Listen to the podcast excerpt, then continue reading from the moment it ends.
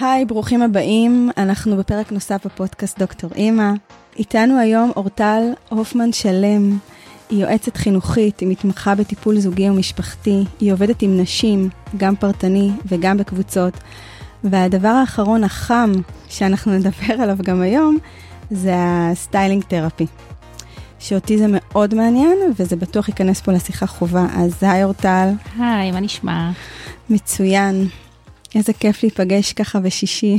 כן. ברחתי מהמטבח בחיי. אנחנו היינו אמורות להיפגש לפני אי אלו שנים, והנה זה יצא עכשיו. אני חושבת שזה היה 2013 שחשבנו להיפגש, בדיוק עבר דירה. נכון. נכון? משהו כזה נכון. וואו. אז כיף. הנה, נפגשנו, הייתי צריכה להקים סט פודקאסט כדי שניפגש. לגמרי. אז יאללה, תספרי לנו קצת אה, מי את, מה, מה קורה. אוקיי, אז קודם כל אני אתחיל מזה שאני מאוד מתרגשת להיות כאן, ומאוד משמח אותי. אה, אני מאזינה לפודקאסט שלך, ויש פה משהו שאותי אישית מאוד מרגש. אה, גם בגלל הנושא של אימהות, שהוא מאוד קרוב לליבי, בתור אימא ובתור אשת מקצוע, וגם בגלל ההנגשה של נושא שהוא אה, הרבה פעמים בשוליים. הנושא של חינוך ביתי, הרבה אנשים לא מבינים אותו. ואני בתור יועצת חינוכית שנמצאת בתוך המערכת הכי קונבנציונלית, שם בוודאי שאין לזה כמעט מקום. ובתור אימא שנשארה עם הבן הבכור לפחות עד גיל שנתיים, עם הצעיר עד שנה וחצי, זה לא לגמרי חינוך ביתי, אבל אני חושבת שאני מכירה קצת את החוויה, והכרתי עוד המון המון נשים שנשארו הרבה אחריי, ואני חושבת שיש בזה משהו מאוד מאוד אה, אחר, אה, שמאוד קשוב לצרכים של המון המון נשים וילדים, שבדרך כלל לא מקבל אה, ביטוי.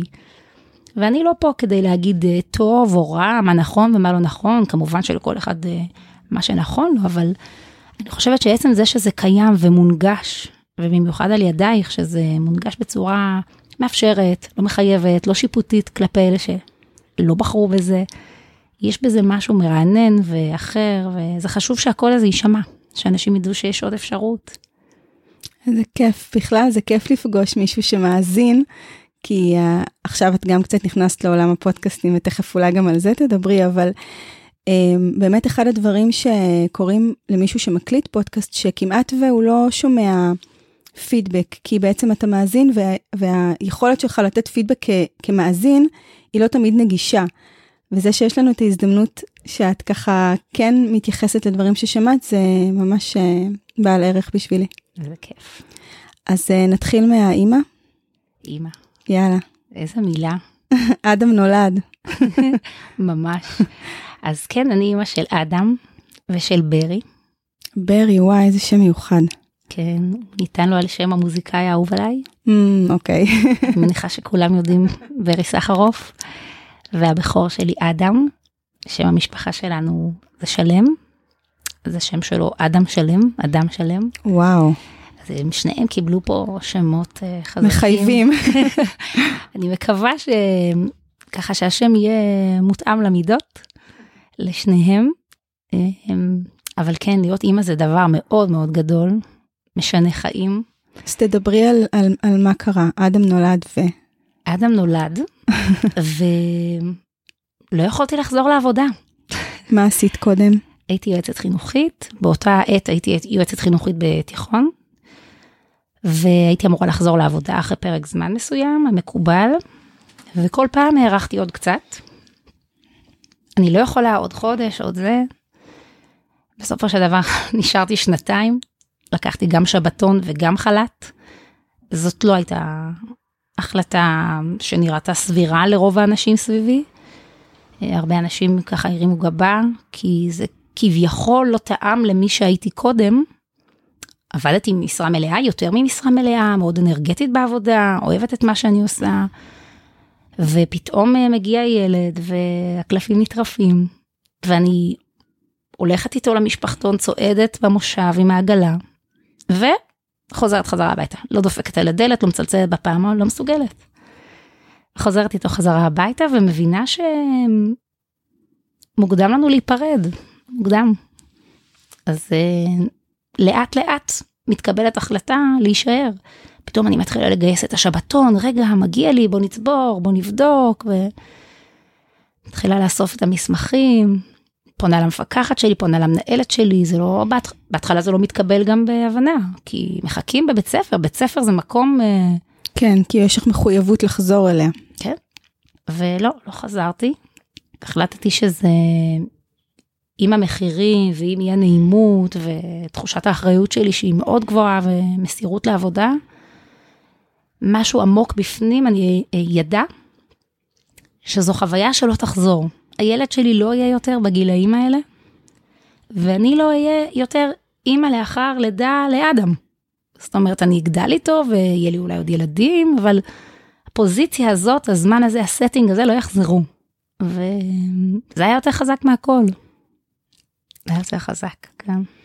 אני זוכרת שיש גם קבוצה שפתחת, שהיום היא מאוד גדולה ומשמעותית. נכון, פתחתי קבוצת פייסבוק להורים שבוחרים להישאר עם הילדים בבית, והם אינם מוגדרים בחינוך ביתי.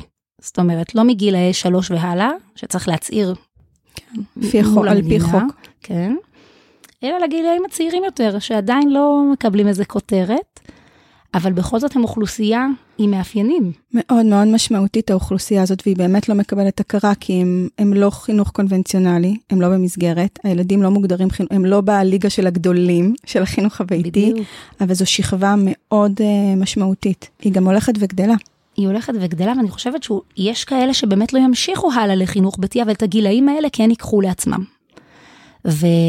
פתאום את מוצאת את עצמך בבית עם ילד, ואת אומרת, רגע, אנחנו רוצים להתאוורר, רגע, אנחנו רוצים ללכת לגינה עם עוד מישהו, ומי שנשאר בבית זה רק ילדים חולים. את הולכת לגינת שעשועים, ורק ילד אה, שחולה ונשאר עם אמא נמצא שם. או שאת הולכת לסופר ושואלים, אה, פונים אליו ואומרים לו, מה, אתה בחופש עם אמא? כן. לא שיכול עוד לדבר, אבל מה, אתה בחופש עם אמא? ואני לא, הוא לא בחופש, הוא... זה החיים שלו. וצריך איזשהו מענה, אני חושבת בשלב הזה יותר לאימהות מאשר לילדים. מסכימה איתך לגמרי. המבוגר שנשאר. גם אבות, היו איתנו, היה איתנו בהרבה מפגשים גם אבא אחד. כן, בכל מפגש יש איזה אבא אחד, נכון? כן. גם אצלנו זה היה. כן, נחמד, בגוון. כן, כן, יש את האבא אחד ש... או שזה היום שלו, כן. או שהוא uh, שותף פעיל, שזה לא קורה הרבה, אבל...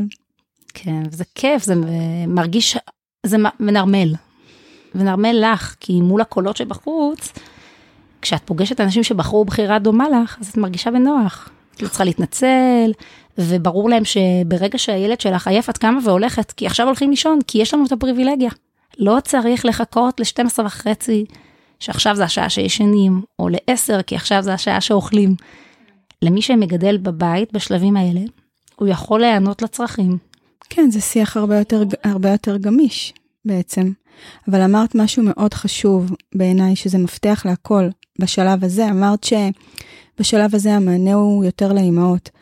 אני חושבת שזה לחלוטין, זה הפוקוס. הרבה פעמים שואלים אותי, מה הוא צריך? אה, אה, ואני תמיד אומרת, את רק צריכה להיות שמחה, את רק צריכה לרצות את זה, את רק צריכה שיהיה לך טוב. תסדרי את הכל כדי שאת תהיי בטוב. הוא יהיה בסדר. הוא יהיה בסדר. אני הייתי רואה קבוצות אימהות שהייתי מנחה בהמשך, שהרבה פעמים הילדים הם היו בגיל זחילה, ממש תינוקות קטנטנים, שאולי בבית בכו, אולי כל הדרך למפגש בכו באוטו, כי יש את השלב הזה שילדים לא מסתגלים לכיסא ול... כן, יש גם בחילות נסיעה, יש כל מיני. בדיוק. ובמפגש עצמו, הרבה פעמים התינוקות היו נינוחים, כי האימא הייתה באינטראקציה משמעותית, שבה היא רגע גם מנתקת את המחשבות של ישירות מלהתמקד בילד, הוא כמובן נמצא במחשבותיה והוא מול עיניה והכל, אבל היא מדברת גם על עצמה ועל היחסים שלה עם בעלה, והיא מדברת על בחירות בקריירה, והיא מדברת על בדידות, והיא מדברת על הווסת שהגיעה או לא הגיעה ועל הנקה. היא מפליגה פתאום בשיחה חברית עם נשים אחרות במצב דומה, והתינוקות הגיבו לזה. נינוחים יותר. כן, ויצרו אינטראקציה בינם לבין עצמם, של תינוקות אמנם. כן, זה נשמע לי מאוד הגיוני, כי אנחנו אומרות את זה המון, שכשלנו טוב ושאנחנו בטוב, אז הם מגיבים לזה, וגם הפוך. כן. מכירה את זה של, אני לא מבינה מה קורה לכם היום. ואז את אומרת, אוקיי, מה קורה לי היום? קורה, לגמרי. זה ממש ממש שם. מה שמעניין אותי מאוד בשילוב שאת מביאה, שמצד אחד יש לך את המשקפיים האלה, שאני ממש מרגישה שאת... Uh, את מרגישה את הדברים ואת רואה את הדברים ואת המקומות הרכים ואת הנימים העדינים האלה של, ה, של ההורות אמ, ושל השנים הראשונות, ו, ומצד שני את חלק ממערכת שהיא מאוד קונבנציונלית. Mm-hmm. ודווקא בעיניי זו איזושהי הזדמנות לעשות גשר בין העולמות האלה, כי את בטוח מביאה את עצמך לכל מקום שאת נמצאת. זאת אומרת, זה חלק ממך, הידיעה הפנימית הזאת, המחשבות האלה. אז איך, איך זה קורה במפגשים האלה, האחרים? אז ככה, אני עובדת בבית ספר, כרגע בית ספר יסודי, ובית ספר מונטסורי צומח. לפני כן בית ספר יסודי רגיל, לפני כן חטיבה ותיכון, עברתי את כל המסגרות, דווקא מתוך הסקרנות הפנימית שלי והרצון להכיר, ובאמת יש משהו שהרבה פעמים אפשר להגיד באמת אה, מרובע. הדברים מאוד גבוהים, הדברים מאוד מובנים, כל אחד יודע מה עליו לעשות, אה, קשה לצאת מהתלם. יחד עם זאת, המקצוע שלי הוא יועצת חינוכית, ושם יש גם חופש. בתוך הגבולות הקיימים יש חופש לעשות הרבה דברים. יועצת שאוהבת לדבר עם הורים לצורך העניין, תזמין לחדר שלה יותר הורים. היא פשוט תהיה שם ותעשה את זה מ... כביכול היא חייבת לפגוש, אבל היא יכולה לנטות לזה יותר. והשיחות שלה גם יכולות להיראות אחרת. לעומת יועצת שאוהבת להנחות קבוצות לצורך העניין, של תלמידים, של הורים, אה, של צוות, של צוות ההוראה. יש יועצות שאוהבות לעשות הרצאות נגיד, אז uh, בימי שישי לפעמים מזמינים את ההורים ומעבירים משהו. יש, יש חופש להיות uh, ככה... להביא את עצמך. כן, להביא את עצמך. שוב, בתוך מגבלות uh, קיימות כמובן, כמו בכל מקום. אבל באמת יש משהו במקצוע הזה, בגלל זה אני כל כך אוהבת אותו, וגם אני בחרתי אותו לעצמי, רק לא הנחתי שאני לא אעסוק פה בסוף באופן הזה, זה שבאמת יש שם חופש. ולכן אני שואלת על המפגש שלך עם מתוך כל מה שאת מביאה לתוך המערכת, מה קורה שם? כאילו, איך את מרגישה שם? אם יש לך אה, אה, חיכוכים, או שדווקא את מרגישה איזה שליחות, לא יודעת. כי זה בעיניי גשר מדהים שיכול להיווצר. אני חושבת שהמפגש האנושי שיש לי בתוך שעות העבודה, כי לא תמיד זה כולל רק מפגש אנושי, יש גם עבודה על מסמכים ומחשב וטופסולוגיה, כן. מילה של מורות. uh, המפגש האנושי זה אלה החלקים שבהם אני מביאה את עצמי. בהתחלה זה היה עם הנערים והנערות שעבדתי בגילי תיכון. אני הפכתי להיות, uh, כן, סוג של חברה. אני הייתי מחנכת של תיכוניסטים, הייתי מאוד צעירה. הייתי בת 24, חינכתי תיכוניסטים. קרובה אליהם בגיל. הגשתי אותם לבגרות, כשהמפקחים של משרד החינוך מגיעים ומבקשים ממני לרדת מהר למטה, ולמה אני עולה? אז אמרתי, כי אני המורה, ולא מאמינים לי. אז אה, כזה. מוציאה מיד תעודת מורה. ממש תעודה. וזה נתן לי המון. דווקא הגיל הצעיר אה, נתן לי המון. גישה לעולמם ושיחות ופתיחות.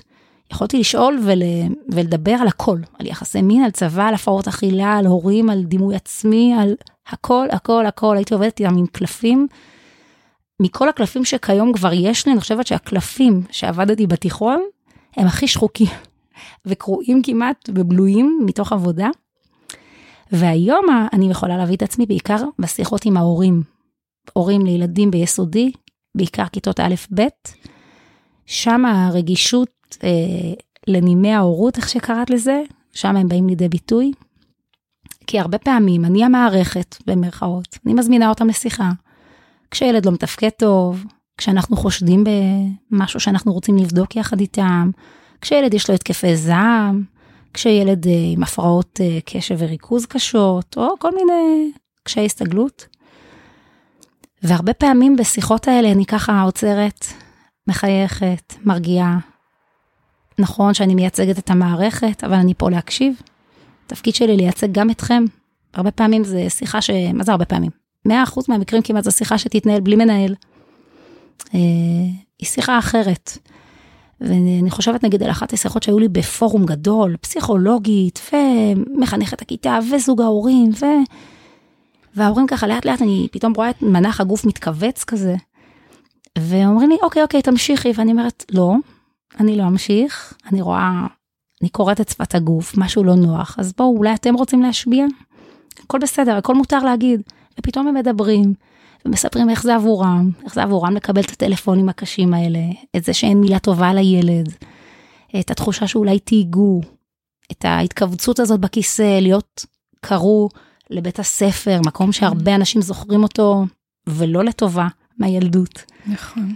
ולי יש את האפשרות לעצור ולהגיד, רגע, אוקיי, רגע, אתה לא הולך, לו, אתה לא עומד פה למשפט. בוא נדבר רגע אחרת. כן, בסוף יש 1, 2, 3 שאני מבקשת שיעשו, כי מתוקף תפקידים, במרכאות גם מותר לי, וזו המחויבות שלי לילד.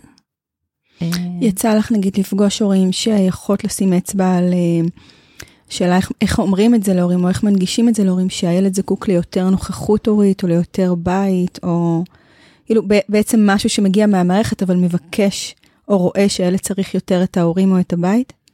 זה ב-90% מהמקרים, אני רואה את זה, גם בגילי תיכון, כי אנשים נוטים לחשוב שאם הוא נער או נערה, הם כבר לא mm. זקוקים להם. להפך, לדעתי. ושם דווקא החיבוק, עולה לי ניופלד, יחזו בילדיכם, זה בדיוק בגילאים האלה.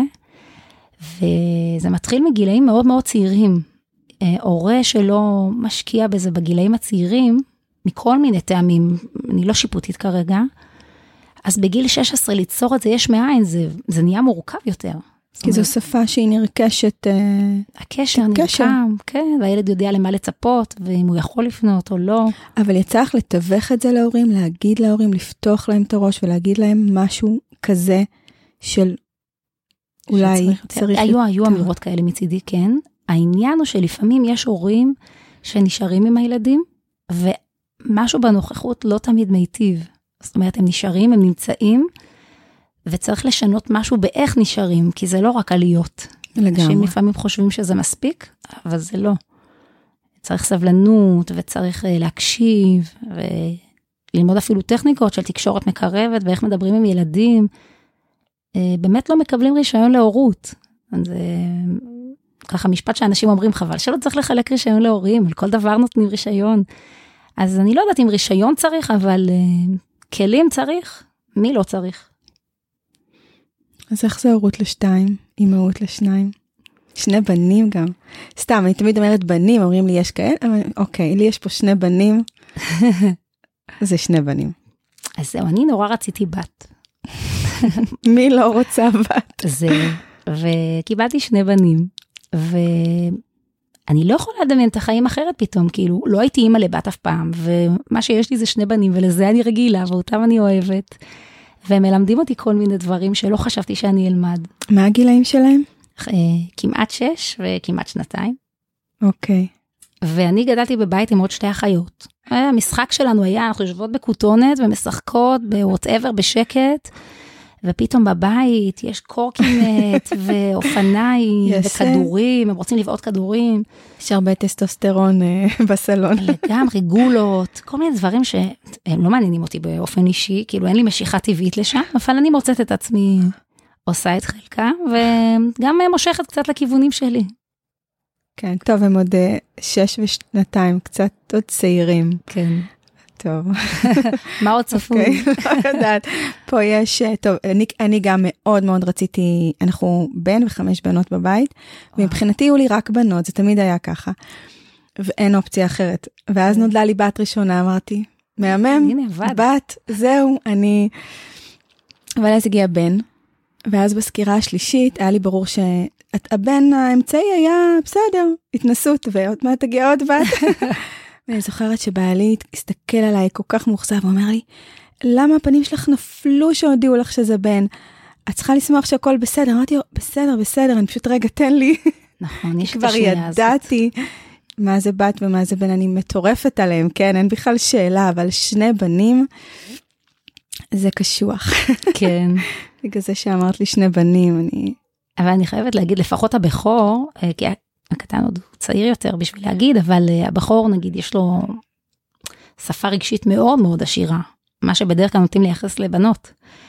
ואני לא יודעת אם זה, הוא פשוט נולד עם זה, או שזה מתוקף uh, ההורים שלו, uh, אולי זה המקצוע שלי גם נכנס שם, uh, אני שמה דגש על זה, זה שילוב כנראה. כנראה שילוב של סביבת הורשה. כן, אז יש דברים שככה רציתי שיהיו לי עם בנות ואני מקבלת אותם גם עם בנים. ו... טוב, עוד יכול להיות איזה אולי עוד תהיה בת. כן. את יודעת. תשמעי, עכשיו שהתחלתי, דיברת על ה styling therapy קודם, אז עכשיו שאני לומדת את זה, את חייבת בת. לא, להפך, יש רגעים וואו, הפוך. שאני מבינה פתאום את המורכבות של אימהות ובנות. וואו. אה. רק על זה הנחות לעשות, אה, אם את רוצה, פרק. כן, תשמעי, היו לי, היה לי בעבר טיפולים דיאדים של אימהות ובנות, בכל מיני גילים. וזה נפיץ. אני לא יכולה למצוא מילה אחרת. אה, זה לא פשוט. מערכת יחסים מאוד מאוד מורכבת, לטוב ולרע. יש משהו אה, בלתי נפרד, ככה בין אימא לבת, ש... אה, נפרדות שנוצרת בין אימהות לבנים, שהיא פחות נוצרת בין אימהות לבנות. זאת אומרת, יש, יש משהו שונה בלהיות אימא לבת לבין אימא לבן, בכל העברות, הנושאים הדומים, הדברים שלא מלמדים בנים, שאימהות לא מלמדות בנים בכלל לעשות, לעומת בנות. אתמול קיבלתי טלפון מהמורה של רומי בכיתה ה'. אה, יש לנו בינינו יחסים מאוד טובים, אני מאוד מאוד אוהבת ומעריכה אותה. היא מרגישה איתי מאוד בנוח, היא אומרת לי, תקשיבי, רציתי לדבר איתך, את בטח יודעת, את קנית לה את החולצות האלה, אבל uh, אם הייתי מצלמת לך אותה, היית מקבלת התקפת לב היום. וואו. אז אמרתי לה, עכשיו, אני לא מרשה שהיא ללכת עם בטן, בטח לא לבית ספר, אבל יש לך חולצות ממצע סוואטשרטים כאלה שמגיעים בול עד לקו המכנס.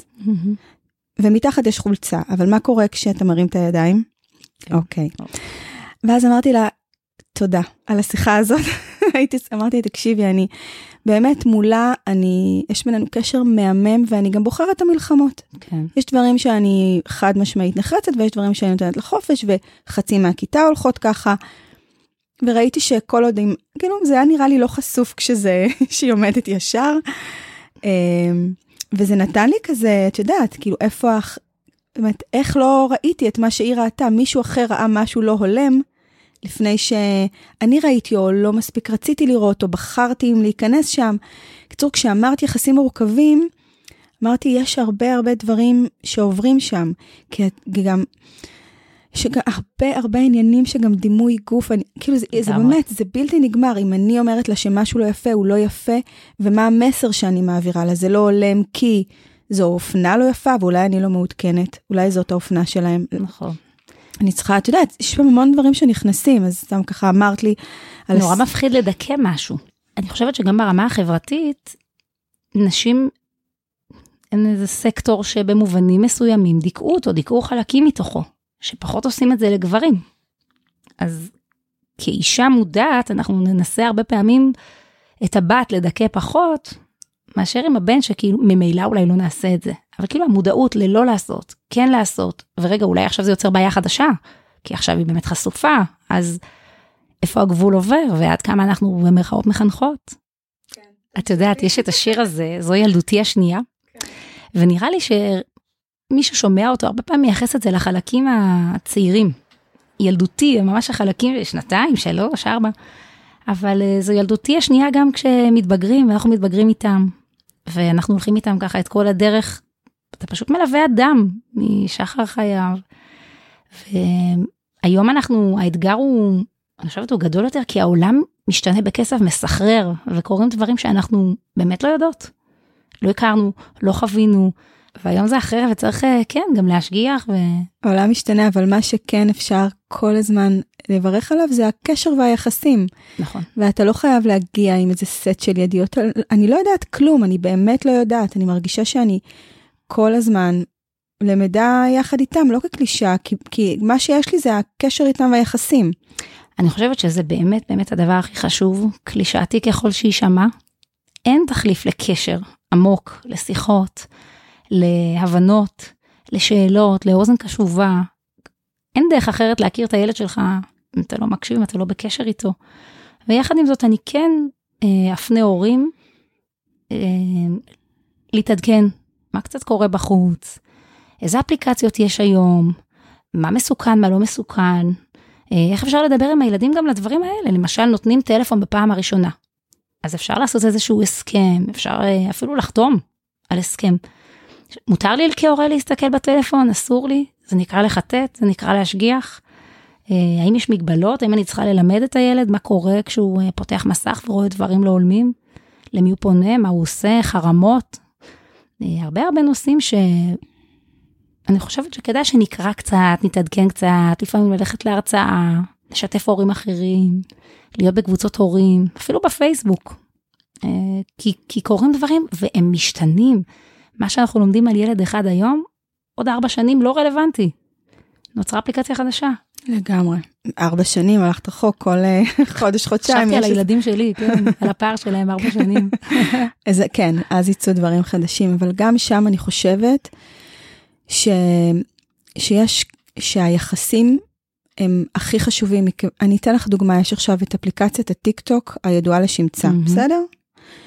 אמ, אה, כמעט כל יום אני מקבלת איזשהו מסר מאוד בעייתי לגבי האפליקציה הזאת, ורוב ההורים באמת הורידו אותה, ואני לא הורדתי אותה לרומי. חלק מהיחסים שלי איתה זה המעורבות בתוך החיים שלה. היא מקבלת המון, אני לא עושה פה איזשהו אה, חלילה, אה, אני לא ממליצה על האפליקציה, אני גם לא, אני מדברת רק על ההיכרות שלי עם הבת שלי בתוך הסיטואציה הזאת. היא מקבלת המון מהאפליקציה הזאת, היא, למדה לערוך סרטונים, היא כל הזמן רוקדת, היא, היא לומדת ריקודים חדשים, היא משתפת את האחים שלה בריקודים. זה יפה. פה ושם היא רואה דברים לא שהם לא הולמים, אלא שהם נראים לה בעייתיים, רחוקים ממה ש... מההפחדות נגיד שאני נתקלתי בהם. ואז היא באה ומראה לי, אומרת לי, אמא זה נראה לך בסדר?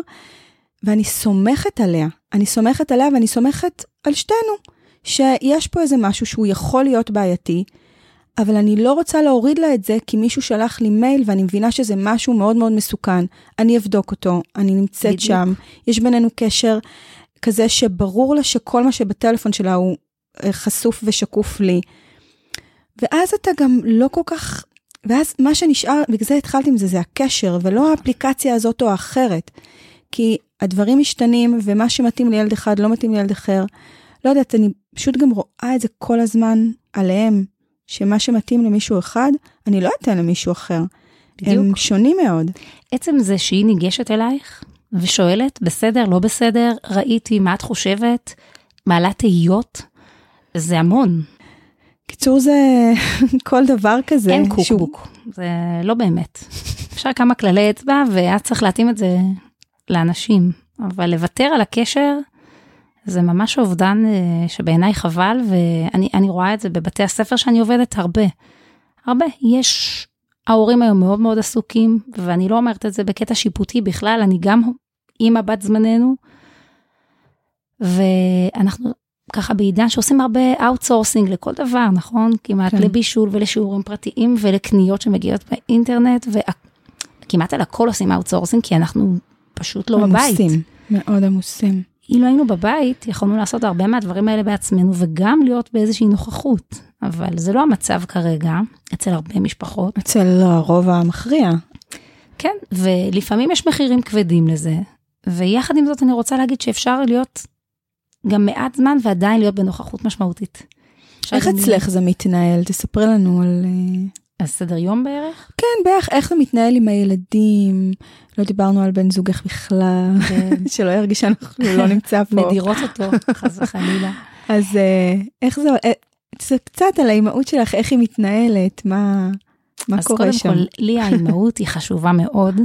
אה, היא בראש סדר העדיפויות, ולצידה המחשבות שלי על הקריירה שלי, גם הן בסדר עדיפויות מאוד מאוד גבוה, והרבה פעמים זה לכאורה מתנגש, כי אני רוצה לעשות גם את זה וגם את זה, אני רוצה להיות פה ואני רוצה להיות גם פה. אז uh, כרגע מה שזה מייצר, זה מייצר עומס, כי אני רוצה להיות גם וגם. אז אני יוצאת לעבודה עד שעה מסוימת, חוזרת, אוספת את הילדים, לא מעוניינת לעבוד בשעות שאני איתם.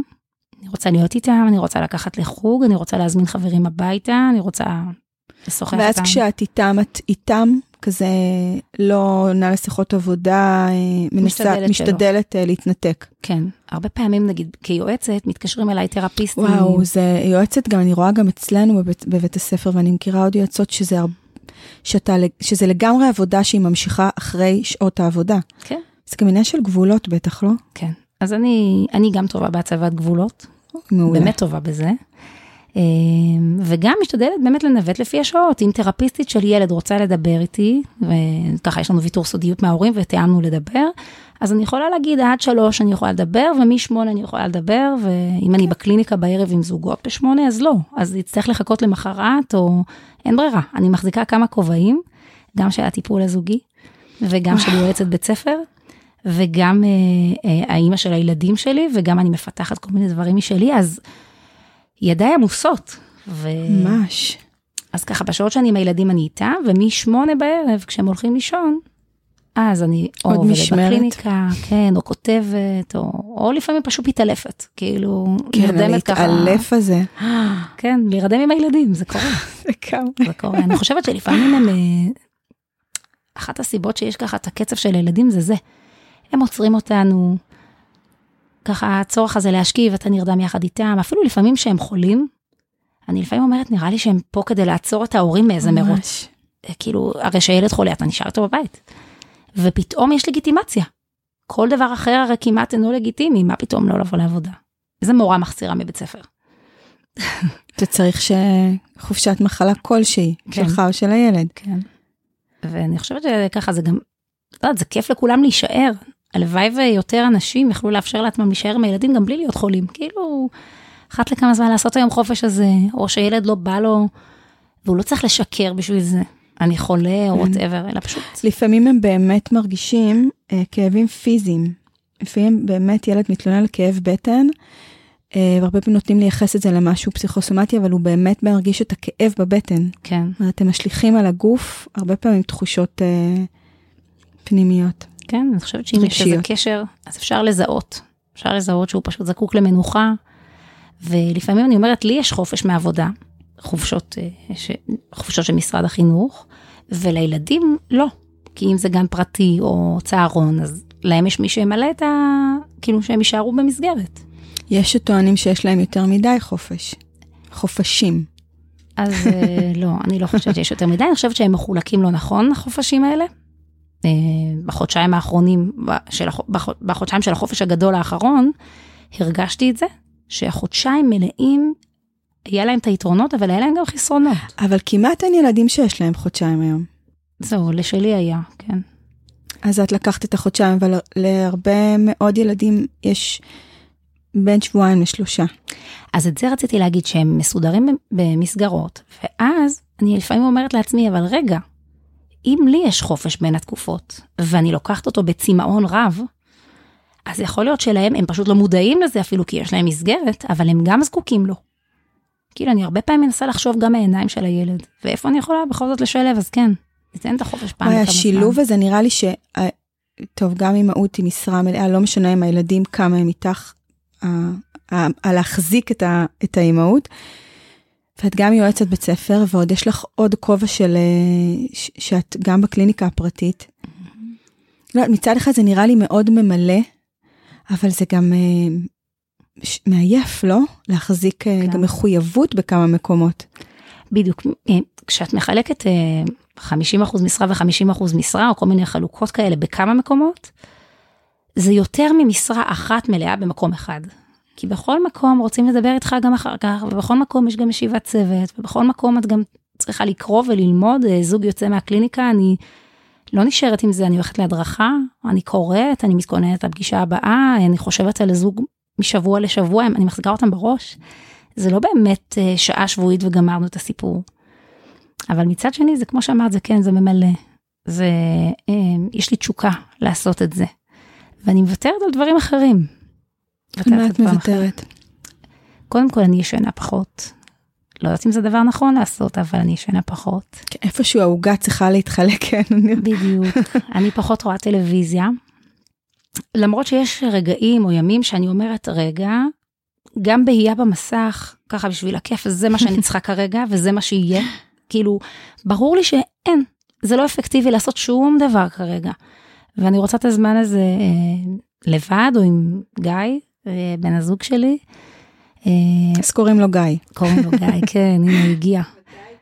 אני חייבת להגיד מילה על גיא, זו הזדמנות. אה, הגיע הדבר הזה אז עם אדם, של להישאר בבית, והוא פתאום רואה אישה הוא לא תיאר לעצמו שלא תרצה לחזור לעבודה, ומה עושים עכשיו?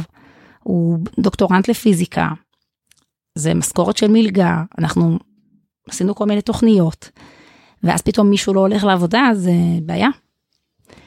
והיו רגעים שזה היה לו לא פשוט, אבל היו לו גם הבנות שזה, במרכאות אני אגיד את זה, לא בשליטה, כאילו הרגשות, אה, יש להם חיים של עצמם, חוסר היכולת אה, להיפרד כרגע היה ממש, אה, זה ניכר, ראו את זה על הגוף, ראו את זה על הפנים, ראו את זה ב... לא, לא יכולתי אחרת, איך אני אגיד, זה כאילו נכתב. זה נקבע. זה כאילו הוחלט עליי במרכאות, אני אגיד שוב. והיו הרבה פעמים שהוא אמר, כן, אני יודע שהילד שלנו הוא כרגע בידיים הכי טובות שהוא יכול להיות, אז הוא מצא את עצמו מג'נגל ועושה שיעורים פרטיים ומגיע בשעות לא שעות ולפעמים רואה את הילד שלנו פחות כדי לאפשר את ההרפתקה הזאת או מה שזה לא יהיה. והיו פעמים שככה כשהעומס עלה מעל הראש, אמ, שכן זה הביא למתחים או לריבים או לתחושה של כאילו רגע נגמר לי האוויר. אמ, אבל הוא היה שם, הוא היה שם ואני חייבת להגיד שכן, בהרבה מובנים הוא אפשר את זה. קשה לעשות דבר כזה לבד. גם אם אני זו שנשארת. כמעט בלתי אפשרי. נכון. כי אני רואה נשים אחרות שרצו להישאר ולא התאפשר להם, כי בני זוג הטילו וטו. ואני מאוד מודה על זה לגיא, כי גם בילד השני בעצם, הוא גם מבין שזה ככה הולך להיות. זאת אומרת, אה, זה היה ברור לשנינו שהוא בגיל שלושה וחצי חודשים לא ילך אה, לגן, וגם לא בחצי שנה. אז עשינו את הדברים אחרת קצת הפעם. היה יום אחד שכן ברן נשאר עם מטפלת לאיזה ארבע שעות. עם איזה סבתא למהממת שמצאנו. אה, אבל זהו, בשאר הזמן אני הייתי איתו, וגם אדם לא היה בצהרון בשנה הזאת. אמרתי, אם אני בבית, אז אני אקח גם אותו. זה היה מאוד משמעותי להיות איתו. מדהים שעשית את זה ככה ושראית את זה ככה. ואני לגמרי שומעת את, ה, את ההוקרה שלך לגיא. כן. וכמה לא. שאת אה, אומרת ויודעת שזה לא מובן מאליו. לא, ממש ושהקושי לא. ושהקושי שלו ללכת בתוך הדבר, באמת, מן דרך לא, אתה לא יודע, אתה מהלך בחשיכה, אתה רואה מטר קדימה, היא לא מובנת מאליה, כי גם האישה שלו, היא, היא לא, פתאום השתנתה, זה לא מה שהוא חשב. אפילו המראה משתנה. הכל. כשאת בבית עם הילד, את מתלבשת באופן מסוים, ופתאום אה, יש הרבה אוכל מוכן בבית, כי אני מכינה אותו, אני, יש לי יותר פניות לזה. אכלנו הרבה הרבה יותר בריא כשהייתי בבית.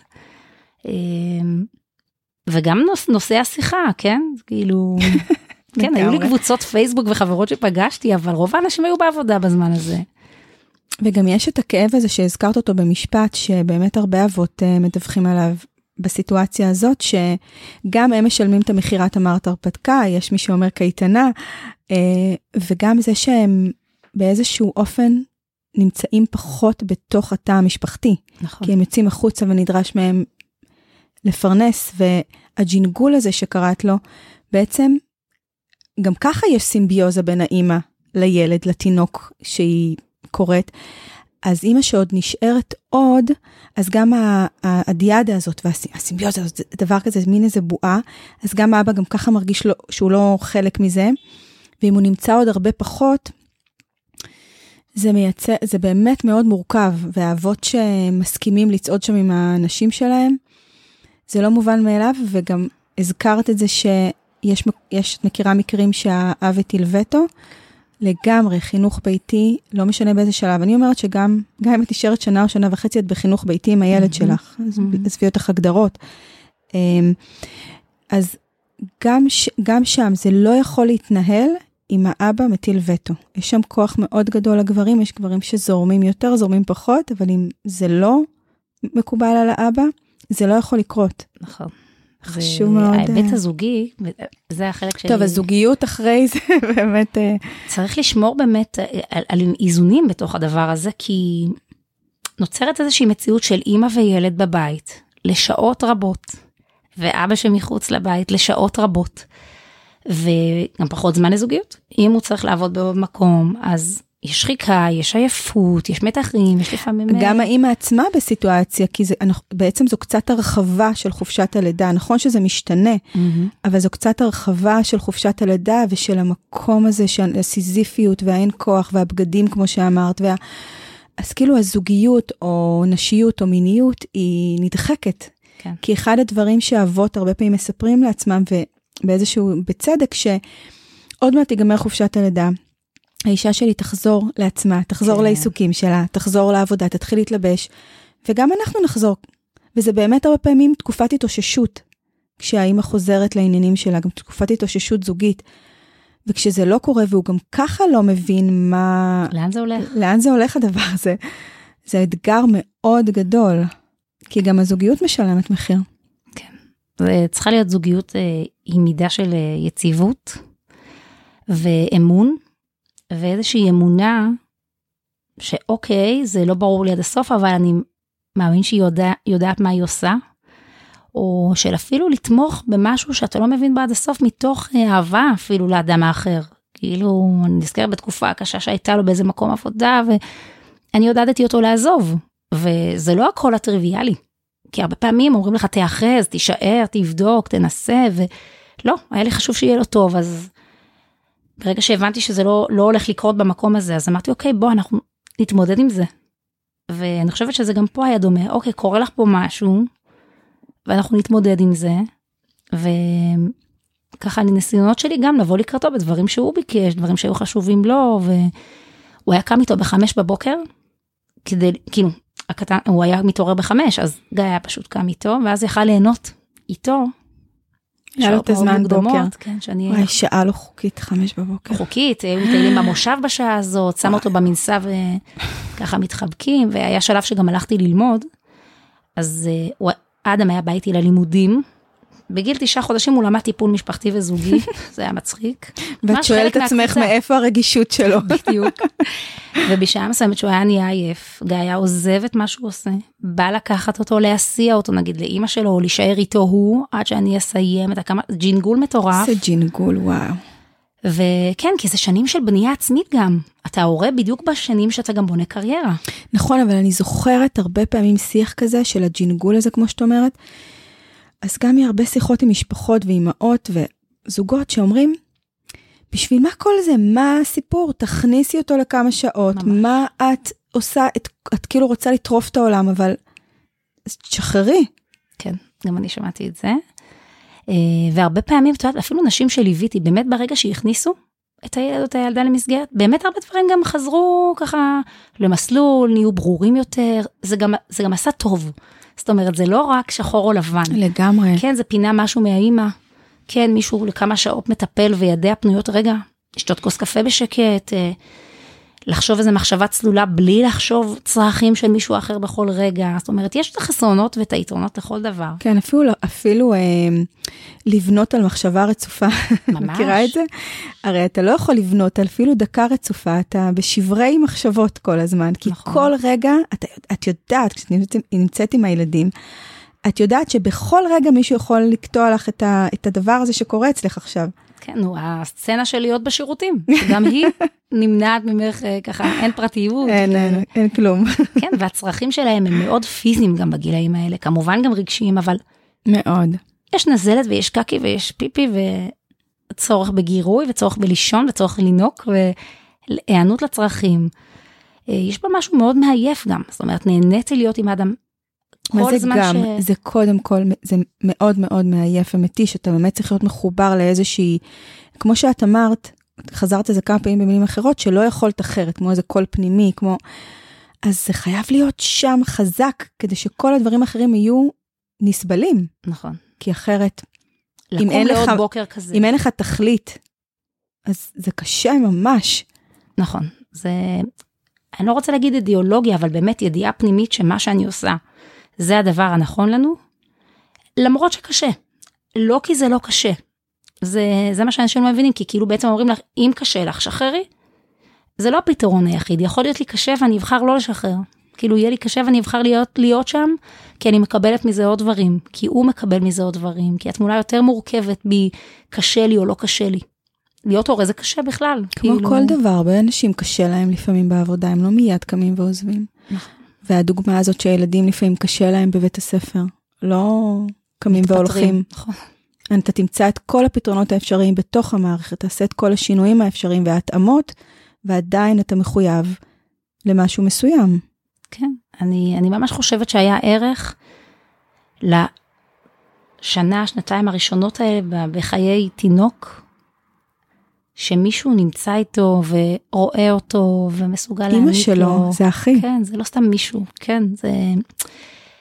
בימים נגיד שסבא או סבתא היו מגיעים, או מישהו אחר, זה בסדר שנרחיב לו את המנעד של הטיפול שהוא יכול לקבל, כן? אבל תמיד יש את הניואנס הזה שרק אמא יודעת, או רק אבא, בחלק מהבתים. לפעמים זה רק אמא. כן, כן, ש, שרק אמא יודעת, ואומרת, רגע, הנה, זה, זה בדיוק מה שהוא אומר. ו... ואני לא אומרת שזה צריך להיות לנצח, לא, אני בעד להרחיב דמויות אה, כשרות אה, נוספות שייכנסו לחייו של ילד, וצריך כפר שלם לגדל ילד, אני מסכימה עם זה, אבל אימא, יש רק אחת. תכלס. איך את פוגשת בקליניקה שלך אה, איזה שהם אה, התלבטויות זוגיות סביב המקום הזה? אני ככה עולה לי איזה מקרה בראש, אני ככה לא, לא יכולה, לא אכנס לפרטים, אני אנסה לסדר לעצמי את זה רגע, אבל אה, גם אני חושבת שזה היה על אותו, על אותו ציר שדומה למה שהיה לי, שרוצה להישאר, ודווקא קולות מתוכה גם לא רצו להישאר. זאת אומרת, מי אני? מה אני אעשה עכשיו? ויתרתי על אה, עיסוק משמעותי שעשיתי, אה, עיסוק ככה שגבה הרבה שעות שהאימהות לא יכולה לאפשר אותו. ואז יש את הכל הזה, להישאר, לא להישאר, קשה לי, לא קשה לי, טוב לי, לא טוב לי, ואז הבן זוג הגיע לכמה מפגשים. ולפעמים אני חושבת שלנשים, או לפחות במקרה הוא ככה שעולה לי, מה שהיה לה יותר קשה זה זה שהוא אפשר. כאילו ההחלטה... דיל... כן, כי הרבה פעמים יותר קל לנו שמישהו אחר מכריע את הקונפליקט. בדיוק. אבל אם הקונפליקט הוא אצלנו, אז זהו יותר ככה בדיוק, חזק. הוא אישר, כי הוא גם ככה דומה לקול שגיא אז השמיע של, טוב, אז הילד או הילדה הם בידיים הכי טובות שיש, ואנחנו נתמודד, ומה שטוב לך. ויש מקרים שאני יכולה אבל להגיד בכנות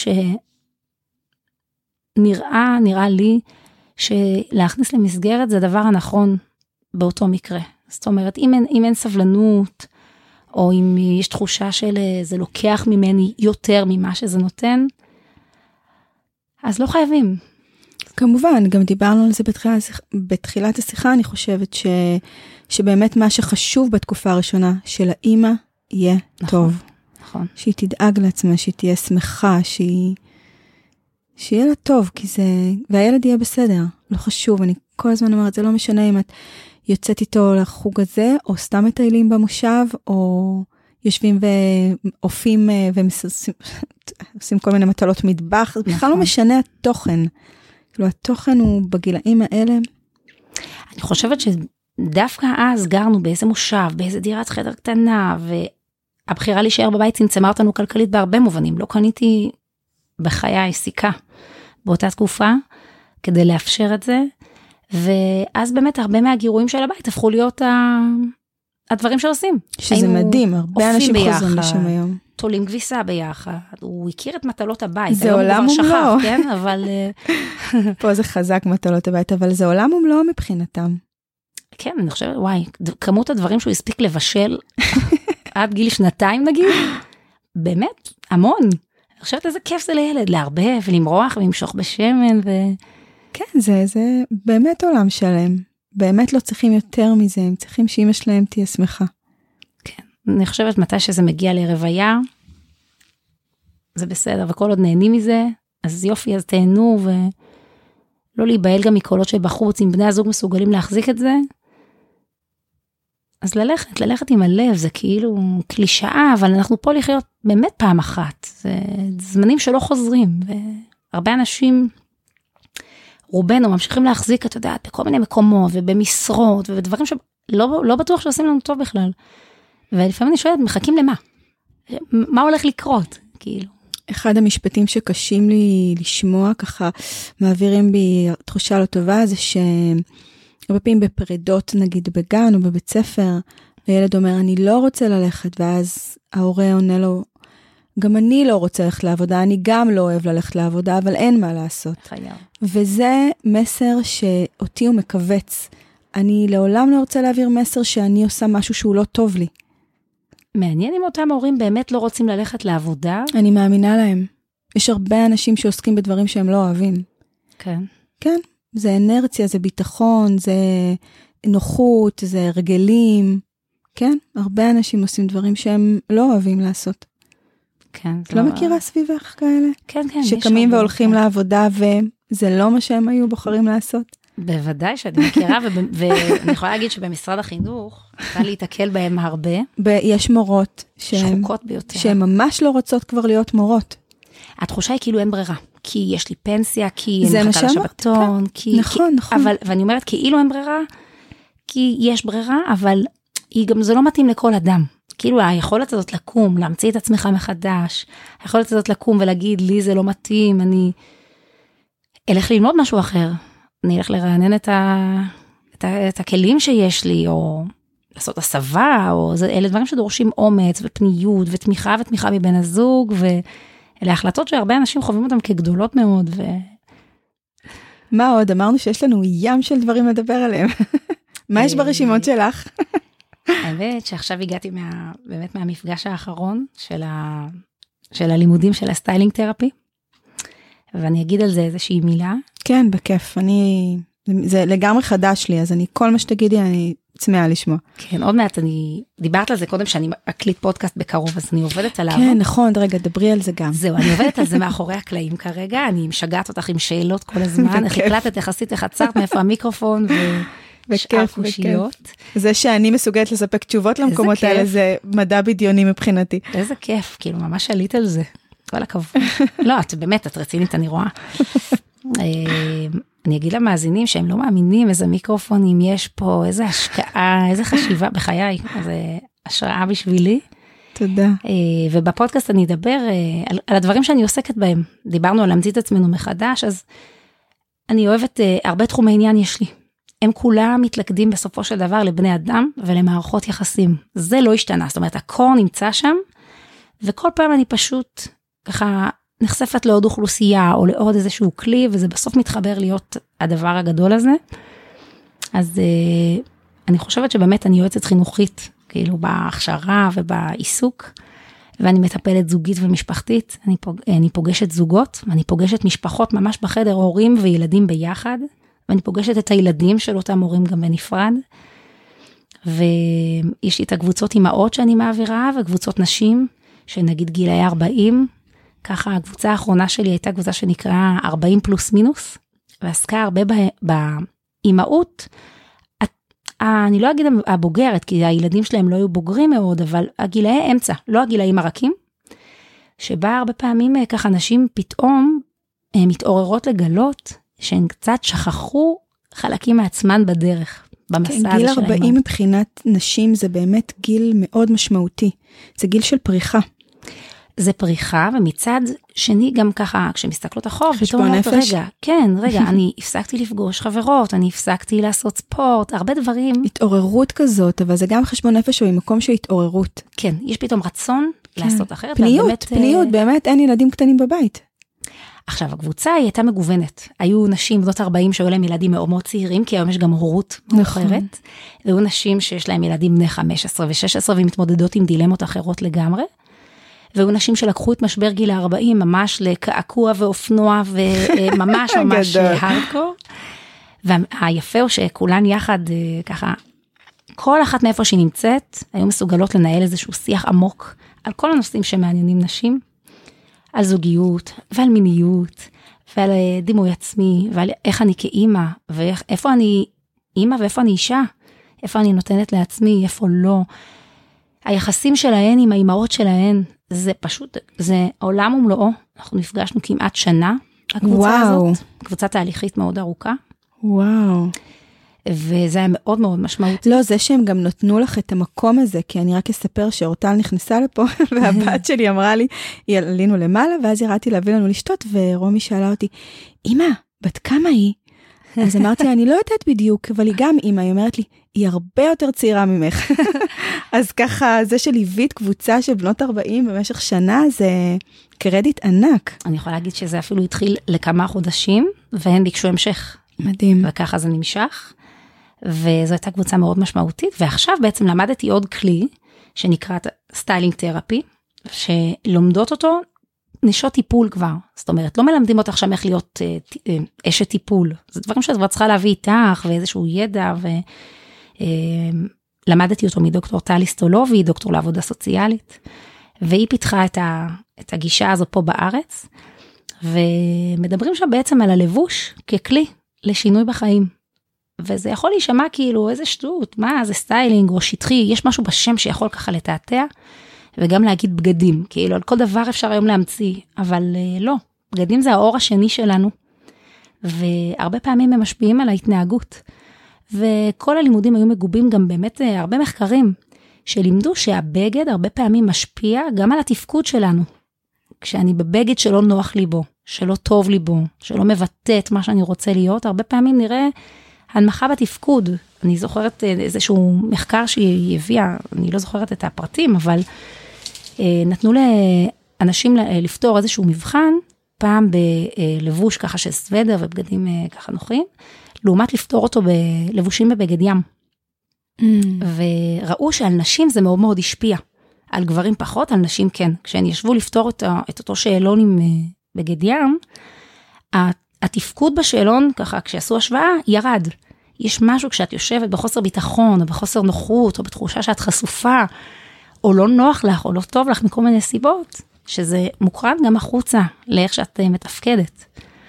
והנושא הזה של ה styling therapy מדבר גם על, על זה שבגד הוא יכול להיות כלי אה, גם בתקופות קשות, גם בתקופות של משבר, למשל אה, נפגעות תקיפה מינית, למשל, את יודעת, תחשבי למשל על הסתרה של, של הגוף, נכון, שהרבה פעמים לובשות אחרי פגיעה, בגד ככה שמסתיר יותר, או רחב יותר, או כהה יותר, או נשים שמחלימות מסרטן. אז אה, ככה נגיד כרותות שד, או משהו כזה, ככה שאיבר, ככה ירד, אה, ככה הוא הורד מהגוף, אז איך מתלבשות עכשיו? ומי אני בלי זה? אה, נשים אחרי לידה, שלהבדיל, כן? כן, זה הפיג'מות, מפיג'מה לפיג'מה. והפליטות, והתחושה הזאת שכבר אין למה. אין כבר למה להתלבש, אני ממילא בבית, ממילא יפלטו עליי. ודווקא שם אלה המקומות שבאמת בגדים הם לא, הם לא מותרות. אני חושבת על סתם לעלות על נעלי עקב, איך את פתאום מרגישה מיד אחרת. נכון. רק, רק לשנות משהו קטן, זה כמו שהרבה נשים שעובדות מהבית, אה, יש הרבה מהן שאומרות, אני קמה בבוקר ומתלבשת. נכון. ואז אני מתחילה לעבוד, אני מטפרת קצת ואני מתחילה. לגמרי. כדי לא להרגיש שנשארת גם באותו, באותו תפקיד. הרבה פעמים גם ככה הבית זולג לעבודה והעבודה זולגת לבית, ויש משהו ב, ב, אפילו בבגד האחר. setting, זה ממש setting, נכון. נכון? והרבה נשים ככה שמגיעות מעבודה, ודבר ראשון מורידות את החזייה, את השעון, את הטבעות, הן עכשיו נכנסות לכובע אחר, קוזי יותר, נעלי בית, זה מייצר אה, גם כאילו, חלקים אחרים באישיות באים לידי ביטוי. וואו, זה ממש מעניין. היא, היא מדברת על זה בהקשר לנשים או בכלל? בכלל, אבל קהל היעד הוא בעיקר נשים, לא כי הן היחידות שזה משפיע עליהן, אלא כי זה באמת נשים מאוד צמאות לזה. היום יש את הפריחה של הסטייל הרגיל, אני אקרא לזה, שבגדול מה שעושים בסטייל כזה, ו styling כזה, זה לנסות להביא את כל הנשים להיות אה, אה, בפרופורציה מסוימת של גוף, נכון? שהחלק העליון והחלק התחתון יראו פחות או יותר אותו דבר. כן. כאילו אם יש לך ישבן אה, או אגן רחב, מנסים לטשטש את, ה, את הדבר הזה ולהגביר את החלק העליון, שיראה פחות או יותר. ה styling therapy לא עוסק בזה בכלל, לא במבנה גוף ולא באיך להלביש אותה, בכלל לא מלבישים אישה, אלא הולכים איתה, מה עושה לה טוב, מה היא הייתה רוצה ללבוש, מה הייתה רוצה לשדר, איך היא מרגישה בבגד הזה, למה היא בחרה ללבוש את זה ולא את זה. ומגלים אוצרות ומגלים אה, היסטוריה של הסטיילינג הפרטי, איפה היא נולדה ואיפה היא התעצבה. זה מחזיר אותנו שוב אה, לאימא. הביתה, נוף כן, ילדותנו. כן, האימא שהיא באמת המלבישה הראשונה, אה, טלי כותבת, כתבה על, זה, כתבה על זה מאמר, הסטייליסטית הראשונה של כל ילד, היא בדרך כלל האימא. אני פשוט אומרת במחילה מהאבות שקונים את הבגדים, אבל אני רואה הרבה אימהות שעושות את זה. ומחליטות ככה עבור הילדים, לפחות בהתחלה, מה הם ילבשו. אז uh, ככה אני יכולה להיזכר שאימא שלי מאוד מאוד אהבה צבע כחול. כן. אז היא הלבישה אותנו הרבה בכחול, וחדר הילדות שלנו היה כחול, וזה לא היה שכיח. רוב הילדות היו עם אה, מלמלה וורוד ונעלי לקה כאלה, ואני זוכרת שלנו לא הרשו את זה בכלל. כאילו היינו ילדות קוליות כאלה, לא לבשנו נעלי שבת, או יש כאלה שיש את השמות האלה, נעלי שבת. ואני זוכרת שבאיזשהו שלב בחיי זה באמת אה, ככה פתאום הרים את ראשו, שבערך בגיל 20 נראה לי זה היה, פתאום כל הארון שלי נהיה ורוד. זה היה סוג של אה, פיצוי שנתתי לעצמי. אחר כך זה התאזן והיום אפשר ללבוש את כל הצבעים. אבל אה, עצם המודעות, איך אמא שלי התלבשה ומה היא אמרה לי, ויש אימהות שמתוך רצון להגן, אומרות הרבה דברים שנכווים כמגבילים, פוגעניים. אני יכולה להגיד שאני חברה בכמה פורומים של אימהות בפייסבוק, ומתכווצת כשאני קוראת את הפוסטים של נשים אחרי לידה, שאימא מעירה להם שהן שמנות, שהן צריכות לעשות דיאטה, שככה זה לא יפה, שאת יפה אם רק תרזי. אה, הרבה פעמים משאיר את הבנות האלה, שהן כבר נשים, במקומות מאוד מאוד בודדים ומאוד מאוד אה, נמוכים. אה, כאילו שצריך להוסיף עוד על התקופה הזאת. בדיוק. אז גם אם רוצים לעזור, יש הרבה דרכים. זאת כנראה לא אחת מהן, אבל, והאימהות שעושות את זה, עושות את זה מתוך רצון כמובן בראש שלהן אה, להגן, מתוך רצון שתיראי טוב, או... אולי גם מתוך איזשהו מקום לא מודע שאם, שאולי זה רעיון, שאם הן רואות את הבנות שלהן בתקופה שהיא מאותגרת, נפשית, mm-hmm. והן מחזיקות אולי באיזשהו מקום למודע שאם רק תתלבשי, אם רק תחזרי קצת לאיזה גוף שיהיה לך נוח בו, את גם תרגישי יותר טוב. יכול להיות שבאמת יש שם איזשהו רצון טוב מתוך מקום שהן יודעות את המשמעות של להרגיש טוב בתוך החבילה החיצונית שאת מחזיקה. כן, כי תראי, גם הן ילדו, גם הן היו אימהות, אבל uh, אני חושבת שלדרך יש המון המון משמעות, בדיוק כמו בגילאים הרכים. מאוד חשוב איזה מילים אנחנו בוחרות. טוב, תקשורת מקרבת היא אפס עד, עד, עד אין סוף, לא? נכון, אבל תראי כמה זה משמעותי גם לאישה שהיא כבר בת 40, ואימא שלה אומרת לה וזה יכול להפוך אותה לגמרי. אה, זה משמעותי. איך מדברים ואיך עוזרים, ויש הרבה דרכים לעזור לאישה אחרי לידה, וואו, כל כך הרבה דרכים, כל כך הרבה דברים חסרים לה. אני חושבת, הדברים שאת אומרת גם לוקחים אותי, אבל אפילו, ל... דיברנו על זה קודם, על, על אימהות לילדות צעירות. הרי שם זה, זה גם, שוב פעם, זה, זה שיחה שלמה על איך הן מתלבשות, וכמה אנחנו מתערבות, וכמה אנחנו מסרסות או מאפשרות, או מצילות אותה מאיזושהי uh, תקופה נוראית. ו... כי מי מאיתנו לא במעלית סידרה לעצמה את הבגדים אחרי נכון. שיצאה מהבית. זה שאלות מאוד אה, ככה, זה פשוט מלווה בעיניי לא רק את אותה אימא שהילדה שלה כבר הפכה בעצמה להיות אימא, זה עוד הרבה הרבה קודם. זה גם האימא הזאת עם עצמה, וגם כמה היא מאפשרת לעצמה, וכמה היא לבושה לפי תכתיבים, וכמה היא אפשרה לעצמה רגע לא לעשות את הדיאטה הזאת כל כך מהר, נגיד אחרי לידה, כי כרגע היא מניקה, וכרגע היא... אה, במשכב לידה, ואני ככה שמעתי, את יודעת, הרבה דברים, את יודעת, בעליך יעזוב אותך, את צריכה למהר ככה לחזור למשקל, או אה, מילים שככה מתוך רצון להיטיב, ככה אני, אני מייחסת רצון טוב, מילים שהן אה, פוגעניות. אני חושבת שאבל הזכרת פייסבוק, אני חושבת שהיום יש לנשים כל כך הרבה פלטפורמות לקבל תמיכה, לקבל איזשהו פידבק, למשהו, כאילו לראות את העיוות באופן שהוא אה, יותר אה, בריא. כי הם לא לבד עם זה. מספיק שמישהי מעלה פוסט כזה ומקבלת המון תגובות, זה נותן איזושהי פרופורציה לדברים. לא, נכון. לא עברו הרבה שנים, אבל כשאני הייתי אימא צעירה, לא היו קבוצות פייסבוק, לא היה פייסבוק, אוי ואבוי לי. כן, לא היה, לא היה, אני הייתי לבד, הייתי מסתובבת איתה, הייתי, מה שאני יודעת זה מה שאני יודעת, מקסימום את יודעת, חברות.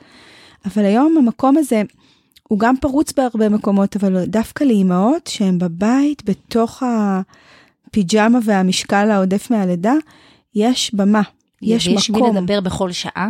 נכון. הפייסבוק הוא נגיש. אז יש לו באמת את היתרונות הגדולים, השיח. הרחב הזה. בדיוק, ואת יכולה לפגוש ככה מכל הסוגים. ו... גם אנחנו נפגשנו אה, בעולם נכון, הפייסבוק. נכון. איך היינו נפגשות? לא היינו מכירות. הפייסבוק כן, ממש ככה עוזר לעשות קיבוץ חיבורים. גלויות. אבל אני אוהבת להשתמש בפייסבוק ככלי לצאת החוצה.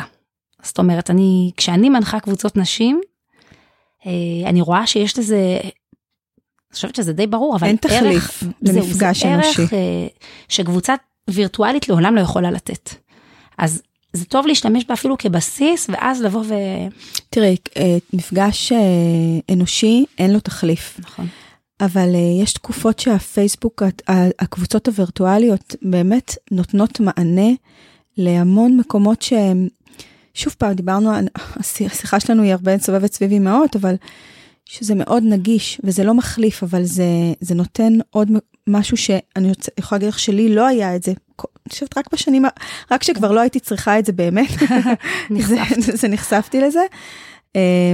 וזה, וזה שונה, אני רואה היום, יש לי אחיות צעירות עם ילדים קטנים, והם בקבוצה הזאת, והזכרנו פה כל, לא, לא נכון. נעשה פה אה, זה, אבל הזכרנו כל מיני קבוצות שהן משמעותיות, שהם, שהם הם הרגישו רוב הזמן לא לבד. שזה כשלעצמו זה נכס. ואני יכולה להגיד שגם עבורי זה היה נכס, והכרתי המון המון המון המון נשים. אפילו את הקבוצה שפתחת לנשים, תחשבי איזה אוכלוסייה, איזה שליחות מדהימה זאת, לפתוח קבוצה לנשים עם ילדים קטנים בבית. זה מאוד מאוד ממוקד, נכון? זה ממוקד, זה... לא יודעת, זה מין תחושה שאתה שייך, זה תחושת שייכות, זה תחושה של קהילה, זה... ברחנו מה... אנחנו כן. נחזור לזה. לא, זה בסדר, זה, הקבוצה הזאת נולדה הרי מתוך צורך. כשאני התחלתי לחפש קבוצות עם מי אפשר להיפגש, אז רק קבוצות של חינוך ביתי ובחלקן לא מקבלים היא אותך. גדלה הרבה מעבר למפגש, היא עכשיו, זה כל הארץ, יש שם נשים מכל, מכל מקום. כן, אני נתתי אז, אה, ככה, כשראיתי שאני חוזרת לעבודה, ביקשתי משלוש אה, נשים מתוך הקבוצה, אם הן רוצות לאדמן את הקבוצה, אה, יחד איתי, ובסוף בפועל אני ממש כבר לא נמצאת. ורציתי להישאר ככה, א', כי הרגשתי שזה baby שלי במובן זה מסוים. בית שבנית. וגם כי אמרתי, רגע, אולי יהיו לי עוד ילדים ואני אצטרך את זה שוב. אה, והן עושות עבודה מהממת, כי הן בעצמן באמת מקסימות. אה, אני זוכרת למשל, הייתה תקופה שככה אחרי לידה אה, התנסיתי בטבעונות, ורציתי למצוא כל מיני מתכונים שמתאימים גם לי וגם לתינוק שאיתי, כדי לא לפגוע בהתפתחות שלו, נכון? לא ידעתי אם אה, רגע לא אוכלים בשר אז מקבלים ברזל, ויטמין, לא ידעתי כלום. וגם אה, הרבה קבוצות היו מאוד מאוד אה, בחוויה שלי מתלהמות, ככה מאוד בעד בעלי חיים ובחוויה שלי נגד בני אדם, כאילו אסור היה להוציא מילה שהיא לא, או להגיד שאתה רק מתנשא ולפעמים אתה אוכל, הייתה חוויה ככה תוקפנית בשבילי. אז יצרתי קבוצה למתכונים טבעוניים לילדים ותינוקות, זה היה המוקד. יש היום בקבוצה הזאת כמעט 12 אלף איש. וואי, זה מהמם, את מבינה שיש לך צורך, את יוצאת איתו החוצה, ואת כאילו מין מגשימה חלומות כאלה. קטנים זה, כאלה בדרך. זה לא כן. קטנים קבוצה של 12 אלף, אבל זה, זה גדל, כי זה מגיע מתוך צורך אמיתי שלך, ואת פוגשת בחוץ, את יודעת, את מלכדת כזאת. את ה- אני אוהבת, אה, אני אוהבת להפוך אנשים לקבוצות, זה, זה משהו אצלי, גם בבית ספר. קבוצות שאני מנח... מאוד אוהבת להנחות קבוצות. זה, זה מדהים, זה גם, גם הפודקאסט שלך יאגד נכון, קבוצה. נכון. זה... הרבה פעמים אני עסוקה גם באיך לארוז את זה. ככה שאני עכשיו יושבת על הפודקאסט שלי, ואני אומרת, אבל איך אני אארוז את זה? כי זה הולך להיות פודקאסט על טיפול זוגי, במובן מסוים ככה לחשוף אנשים למה זה, מה זה טיפול זוגי, מה עושים שם, המון אנשים לא יודעים. כי זה נושא לא כל כך מדובר. פחות אנשים יגידו, כן, היינו בטיפול זוגי ועשינו XYZ. זה משהו שרוב האנשים לא ככה מחצינים. ואז אמרתי, אבל רגע, יש לי את ה styling therapy, אני רוצה לדבר גם עליו, אבל איך זה קשור לזוגיות? אז יהיו גם פרקים על זה. ואז אמרתי, רגע, אבל יש לי על הורות לתת, אני פוגשת הורים כבר 13 שנים בערך, אה, ואני רוצה ככה לתת גם, גם על זה, להנגיש כל מיני דברים שאספתי בדרך. ואז איך אני אורזת את כל הדבר הזה? וזה תהליך ככה, או אפילו תהליך כואב, של רגע, אולי אני יותר מדי, ורגע, אולי זה התפזרות, אבל ככל שאני חושבת על זה, זה, זה לא מפוזר, זה אותו דבר. זה הכל מערכות יחסים. שלי עם עצמי, שלי עם הגוף שלי, שלי עם אימא שלי, שלי עם בעלי, שלי עם הילד שלי. מערכות יחסים, זה- זה הדבר. וזה גם הקבוצות שבעצם אני עושה, ללכד, אה, לחבר, למצוא אנשים ככה שיכולים לשתף פעולה ביניהם. הרבה פעמים אני מחזיקה, מישהי סיפרה לי משהו, ואז אומרת, רגע, יש לי, אני יכולה לשדך לך את זאת, כי גם היא סיפרה לי, או מישהי ככה רצתה איזה סל עם אה, בגדים לקחת ממני משומשים, וזה הסתבר שהשכנה שנתנה לי, רגע, הן מכירות בכלל מקבוצה של טיולים, כאילו החיבורים האנושיים הקטנים חיבורים האלה. אנשים. אני מתה על זה. אז בעיניי זה מדהים, כי בסוף אנשים יעקבו וירצו לשמוע אותך. ומה שאת אה, מביאה, ובסוף, כמו שאת אומרת, יש כן בסוף חוט מקשר בין הכל. כן. אז מה עם ה styling therapy? יש עוד מה... לא, זה נושא נורא חדש לי, אז זה נורא מעניין. כן, האמת שהרבה אנשים שאני ככה כותבת על זה קצת, אז ישר באות איזה שאלות, מה זה, זה חדש, מה זה, לא שמענו את זה. למרות שהכל מה שאת אומרת בהקשר לזה נשמע מאוד הגיוני. נכון. את לא אומרת איזה משהו, את אומרת, רגע, שנייה, אולי. הכל נשמע כזה... זה רק להביא את זה למודעות. כן. של למה אנחנו עושים את מה שאנחנו עושים? למה אנחנו לובשים מה שאנחנו לובשים? ככה יש כל מיני תרגילים שעושים אה, לאורך הדרך, ככה בקבוצה שעוסקת בזה, או בתהליך פרטני, של לבחור את הבגד הזנוח ואת הבגד הלבוש ביותר. לבחור בגד נשי ובגד גברי.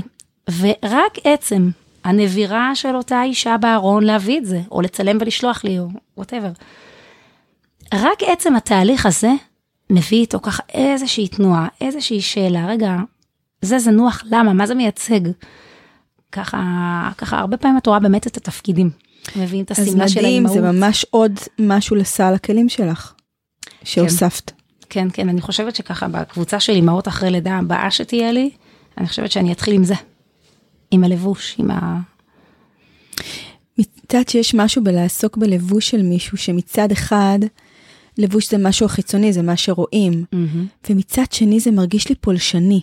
להתעסק למישהו בארון הבגדים, שזה פרדוקס, כי זה חיצוני, מה שאני לובשת זה מה שכולם רואים, mm-hmm. אבל שמישהו ייכנס לי לארון, זה נראה לי כל כך אינטימי הארון בגדים. וזה כל כך מעולה שאמרת את זה, כי את בעצם חסכת לי. בתהליך כזה של styling therapy, הוא הרבה פעמים לא מתרחש בקניון, הוא לא מתרחש בארון הבגדים של אותה אישה, הוא מתרחש בקליניקה, בשיחה. עם מי תרצה להביא את הבגד, היא תביא. לא, אפילו שיחה על אה, מה לבשת היום ובואי נדבר על זה. נראה לך... זה מרגיש לי חשוף, כאילו מה פתאום שתסתכלי מה אני לובשת עכשיו, את יודעת, אני מסתכלת, אוקיי, אני בחרתי מה ללבוש, אבל אני לא רוצה שאף אחד יתעסק בזה עכשיו. וזה הזוי, כי אני לובשת, זה ברור לי שזה מה שרואים. החזות שלך, נכון. כן, יש משהו באמת שבגד הוא גם כרטיס ביקור במובן מסוים. אז כשאני מתלבשת רואים אותי, ויש הרבה נשים שמתלבשות, וזה, אומרות את זה ממש בגלל. בהסתרה? אני מתלבשת כדי להסתיר, להסתיר, אני מתלבשת כדי לא לבלוט. אני לובשת ג'ינס ואולסטאר כדי להיות חלק מהנוף. לא רוצות לבלוט. ואז גם נשאלת השאלה למה לא לבלוט ומה עוד מסתירות. וגם גם יש את המקום הזה של להיות מודע לזה שזה לא שאתה לא בולט אם אתה בג'ינס ואולסטאר. נכון, יש, אבל זה מאוד תלוי איך אנחנו, את תלבשי ג'ינס ואולסטאר מסיבה אחת, ואני אלבש ג'ינס ואולסטאר מסיבה אחרת, כי זה לא באמת הבגד שמשנה, אלא מה מאחורי הבחירה. כי אני יכולה להגיד שוב שבסטיילינג הרגיל, המטרה היא להפוך להיות רזה יותר, אופנתית יותר, יפה יותר, והמטרה ב styling therapy היא להתחבר יותר לעצמי. מה, איך אני מרגישה בבגד, איך הלבוש אה, יכול להשתנות בהתאם להרגשה שלי, איך אני יכולה לעשות טוב יותר לעצמי. אה, יש גם את הדבר הזה של קוד לבוש למשל, בעבודה, תחשבי, זה משפיע. אם מורה נכנסת לכיתה בכפכפים או לא, או אפילו... כן, כמו מה שהמורה, זאת אומרת, כן, יש קוד לבוש בבית, בבית הספר, כן. ויש משמעות לאיך שאת רואה אותי עכשיו, איך שאני לבושה עכשיו, לבין אם תראי אותי בז'קט, או אם תראי אותי כשאני בבית עם הילדים, או אם תראי אותי ב, ביום שרע לי. אני נראית אחרת, הבגדים נראים אחרת, זה גם מזמין התייחסות, נכון? הרבה פעמים שאנחנו נראים, אז תמיד יש את החברה הזאת הטובה שתגיד לך, וואי, את נראית ממש רע היום, הכל בסדר. את מרגישה טוב. בדיוק, אז כן, החזות שלנו היא בחוץ, אין מה לעשות. אבל אנחנו, השיח הזו עם הילדים מגיל קטן, כי אם הילד שלי ירצה בקניון להסתובב עם בגד ים, את יודעת, נכון? יש קטע כזה, דיברנו על זה קצת לפני שהדלקנו את המיקרופונים. כן. על הילד הזה שרוצה להתלבש בתחפושות, על הילד הזה שרוצה ללכת עם בגדים שהם נשיים יותר. כן. הייתה תקופה שהבנים פה גילו את ארגז התחפושות של רומי. איזה גילוי מרעיש. אז האבא הפסיכולוג שלהם יצא מדעתו. זה, אמרתי לו, אתה אמור להיות יותר סבלני לסיפור הזה. אבל יש לו כנראה, לא יודעת, בקיצור, לא, לא עבר בקלות, ותקופה שהם רצו לק. כן. הם נורא רצו לק. עכשיו, אני, חגיגה. הרי גם ככה רצית בנות. גם ככה רציתי בנות. והלקים של רומי זנוחים גם כן אה, זה, אז uh, הנה, וגם כן זה עבר לא פשוט. זה לא פשוט, כי זה באמת מפגיש אותנו, גם עם הרצון להגן מלעג של אחרים. בוודאי. תלך עם הכובע הזה, לא, לא תלך עם הכובע הזה. לא, הוא רצה לצאת עם שמלה של אלזה יום אחד, הוא היה בן שלוש, אני לא ידעתי אם... איך לאכול את זה. מה לעשות עם הסיפור הזה. מה עשית? האמת שיצאנו פה לסיבוב בשכונה, ומזל שבבוקר אין פה אף אחד. אז אפשרת לו והוא לא שילם מחיר. אפשרתי, אה, תקשיבי, אה, היה לי קשה. כן. אני מודה, היה לי קשה.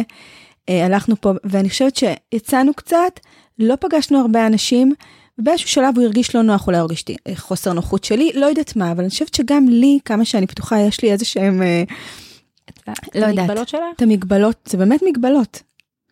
אבל זה בדיוק זה שה... זה גם הלך רחוק. שמלה של אלזה, כאילו, זה הלך כן. רחוק, זה בסדר? בולט, כן. זה מאוד מאוד, זה לא זה לק. בדיוק מה שאמרת קודם על על עצמך, את הולכת ואת לא רוצה שיראו אותך, אז אנחנו הולכים לא רוצה שיתעסקו. איתי, לא רוצה שיתעסקו איתי, את מבינה? וכשילד לובש שמלה של אלזה, יתעסקו איתו. יתעסקו איתו ויתעסקו גם איתי.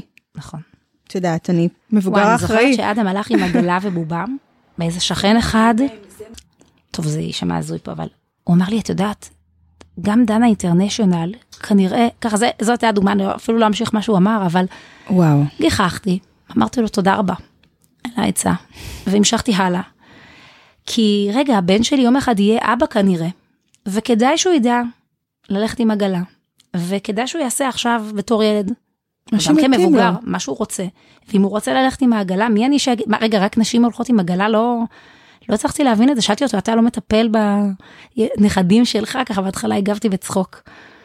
ויש אנשים שחושבים שנטייה אולי מינית, ככה קשורה כן, לדברים ומדהים האלה. שאת עדיין זוכרת את זה. זה זכור בטח לך שאני בין זוכרת. מיליוני חוויות. בוודאי שאני זוכרת את זה. זה לא שינה את דעתי כן. כהוא זה, אבל אני אומרת, וואו, בחוץ יש אנשים שיעירו לילדים שלנו הערות, כשהם יעזו ללכת עם הכובע הזה המיוחד, וגם ככה יכבו אותם. אז uh, בהרבה מובנים, כדי ללכת בתלם וזה, ואותו ילד שיעז ויהיה מסוגל לעמוד על שלו ולהרגיש טוב עם עצמו, הרי זה משובח, אני מקווה ש... שעם הזמן ככה, לא רוצה להגיד מערכת החינוך, כי זה קשור גם להורים, אבל נוכל לשחרר את הילדים נוכל לשחרר את עצמנו. כן, קודם את עצמנו, נכון? זה מתחיל בנו. של, אני חושבת שזה ה styling therapy, משהו שם משתחרר, ואני לא אגיד למישהי בחיים מה ללבוש, ואני לא אגיד לה זה יתאים לך יותר, ואני ממש לא, אני, אני לא מלבישה. המילה סטיילינג היא לא כי אני הולכת להלביש מישהי, כי את הולכת לבדוק את הסיפור מאחורי הלבוש. נכון? את הסיפור מאחורי מי היא, ומי היא רוצה להיות. ותשמעי, אני, אני פוגשת נשים הרי בהקשר אחר, בהקשרים טיפוליים אחרים, ואני מגלה היום ששיחה שמתחילה מהלבוש, היא לפעמים חושפת הרבה הרבה יותר מידע מכל אינטייק טיפולי אחר עם שאלות אחרות. הכל עולה שם, אימא עולה שם, ואני עולה שם, ומה אני חושבת, מה אני רוצה, ומה הייתי רוצה להיות, והמכאובים שלי והגמישויות שלי, וכמה אני תקועה או לא תקועה, הכל הכל עולה מהשיחה. נשמע כלי מאוד אה, עכשווי ומאפשר. כן, אני, אני ממש אוהבת את זה, אני מצאתי שזה מרתק, ממש עולם ומלואו, ויש המון המון מחקרים ככה שלאורך הקורס למדנו, ואת אומרת, וואו, זה... יש אפילו את מחקר, אני חושבת, את יודעת על אה, פר- פרטי לבוש, יש את אה, מחקר מאוד מפורסם, את הניסוי המרשמלו על הילדים. של איפוק. נותנים לילד, אה, יש את זה, יש מלא סרטונים על זה, מי שרוצה ביוטיוב, שאתה שם מרשמלו לילד צעיר ואתה מבקש ממנו להתאפק, אם הוא מתאפק זמן מסוים, אתה אומר לו שבסוף, כשאתה נכנס חזרה לחדר, אתה נותן לו שניים, ואתה, כמובן זה הכל מצולם, וילדים הצליחו להתאפק הרבה יותר ששמו עליהם גלימה של אה, גיבור על. כן. הם פשוט הצליחו לעשות את זה בצורה הרבה יותר, אה, להתאפק הרבה יותר. אז, אז הגלימה של גיבור העל עובדת גם על מבוגרים, יש מחקר גם כזה. מדהים. נתנו לאנשים ללבוש את החולצה עם הסמל, נתנו לקבוצה אחרת ללבוש רק עם אדום וכחול, הצבעים של הסמל, וקבוצה אחרת בלי. ומי שלבשו עם הסופרמן הרגישו את, את הכוח לעשות אחרת, הרגישו את העוצמה, דירגו את עצמם גבוה יותר. בגד משפיע על איך שאנחנו מרגישים. מדהים. יש עכשיו אה, חדש, אה, שאחת הסטנדאפיסטיות שגם עלו בתקופה האחרונה, הוציאה חולצה שכתוב עליה מלכה. מי זאת? רויטל ויטלזון. אה, גדולה. כן. אז אני רואה פה ושם נשים הולכות עם החולצת המלכה, ואני תוהה שאני, אני, זה חייב לייצר איזושהי אה, תחושה, לא? תראי, האימהות, יש בה משהו, זה אוסף משימות סיזיפיות, שוחקות, ולעיתים רבות גם שקופות. עשייה שהיא, היא- וואו, זה, זה לרחוץ, זה לטפל, זה להעניק, זה לקבוע, זה לקבוע תור לרופא, זה לקבוע עם חברים, זה להאכיל, זה לנקות, זה לחבק, זה לנשק, זה להקשיב, זה לכעוס, זה לחנך, זה המון המון המון, אני יכולה להמציא עוד מיליון פעלים פה וכולם יתאימו. והרבה פעמים אף אחד לא עוצר ואומר וואו, וואלה איזה אימא, חבל על הזמן. כי כולן עושות את כולם זה. כולם במרוץ עם הראש בתוך ה... לא, גם יש משהו באימהות שמה, את לא המצאת הגלגל, כולם עושים את זה. כן, אז ברגע שיש איזו חולצה כזאת עם כותרת, את מלכה, אני נותנת תוקף לעצמי, אני מרגיש, אני עושה לעצמי ככה... כן, את יודעת, החולצה היא מלכה, אבל הסלוגן הוא, את לא נולדת מלכה, את מחליטה שאת מלכה. יפה, אה? נכון, יפה מאוד. אנחנו עושות פה היום פרסום לכל מיני, אבל לא אכפת. כן, נו, מה, ילכו ויקשיבו לרויטל ויטלזון ויצחקו קצת, אז אה, מה רע? האמת שכן. ממש נהדרת. וואו, דיברנו על מלא דברים, נכון? כן, נכון, עשינו את זה, נראה לי שעברנו על המון נושאים, כן. ועל כל אחד כזה אפשר עוד. נצח. בדיוק, כן. אז בשביל זה אני צריכה להקים פודקאסט. את רואה? זה, הנה, כן, אני עובדת על זה, זה עוד מעט יוצא. תוציאי את זה, זה באמת לשחרר את זה, זה נותן, אה, זה, העגלה מתחילה ל- לרוץ. כן, כי הרי כל המידע הוא מתגלגל לי בראש, משיחות ומדברים, וזה פשוט צריך רק להקליט את זה. אבל את מאוד מתקדמת, כי נכון, את אומרת שאת כבר עושה פעולות, אה, כן, עשיתי הקלטת אה, אה, פיילוט כזאת עם עצמי, ו... יש לך מוזיקת פתיחה, אני רק על זה התעכבתי. כן, ואז זה- מצאתי איזה משהו קרחנה, שכמובן, אני מקווה, גם את. הגבת לזה. כן, לאט לאט. זה- לא, אבל הרבה שואלים אותי על המוזיקה שבסוף נבחרה, אז גם לך עניתי על זה שהיא נבחרה אחרי שהיא שמעתי. כיפית לך. היא, כן, קודם כל היא עושה לי מצב רוח טוב, וזה חלק ממני, למרות שזה לא תמיד תואם לתכנים. והיא פשוט אה, עשתה לי את זה, ואני שמעתי אלפי, נראה לי. בטח, כן. אז אה, עד שלא יימצא משהו שיעשה לי את זה יותר. וגם היופי שהוא באמת, אפשר גם להחליף. שום נכון. דבר לא חקוק בסלע. נכון. אבל אני נזכרת באיזה פודקאסט ששמעתי של אה, פופקורן זה נקרא. כן, של ליאור פרנקל. כן. אז הוא נראה לי התראיין על זה, הוא אמר, והוא הוא אומר, יש לי, אה, המוזיקה שלי, היא, יש בה קולות של אמבולנס, וזו מוזיקה שחורה, ו, ואנשים אמרו לו, מה זה קשור, כאילו, ל... והוא אמר, משהו ממני, מאיך שאני לוקח דברים בהומור, בקלילות, בא לידי ביטוי במוזיקה הזאת. זה לא חייב להיות הכל מעונב, זה לא חייב להיות הכל טיפולי, זה לא חייב להיות הכל כבד. אני מרגישה יותר נוח עם הבחירה שלי. כן, ואז ככה, ככל שהוא אמר את זה, אפשרתי גם לעצמי לחשוב, רגע, שנייה, זה לא חייב להיות מנגינה עכשיו של אה, כובד ועומק. התוכן יעשה את של עצמו, וה, והאינטרו יעשה את של עצמו, והכל ביחד זה אנחנו. זה כמו שאת באמת מאגדת המון נושאים עכשיו, הם לא חייבים להיות מאוד מאוד אה, משיקים, הם כולם, יש להם איזשהו אה, מכנה משותף שזה את. נכון? וגם אין מה לחלק לקטגוריות, הזוגיות היא גם קשורה להורות, וההורות קשורה ליחסים שלי עם ההיסטוריה של הלבוש שלי והבית שגדלתי בו, וזה הכל צף. זה הכל ביחד, זה הכל שייך לאותו דבר, לאדם. מעניינים אותי אנשים, ובשביל זה אני עושה מה שאני עושה, הפכתי פשוט את האהבה שלי הזאת לאנשים, ל... לעיסוק שלי. זה כיף לי. כאילו, וואי, כמה דברים את עושה, אני חשבתי שאני עמוסה.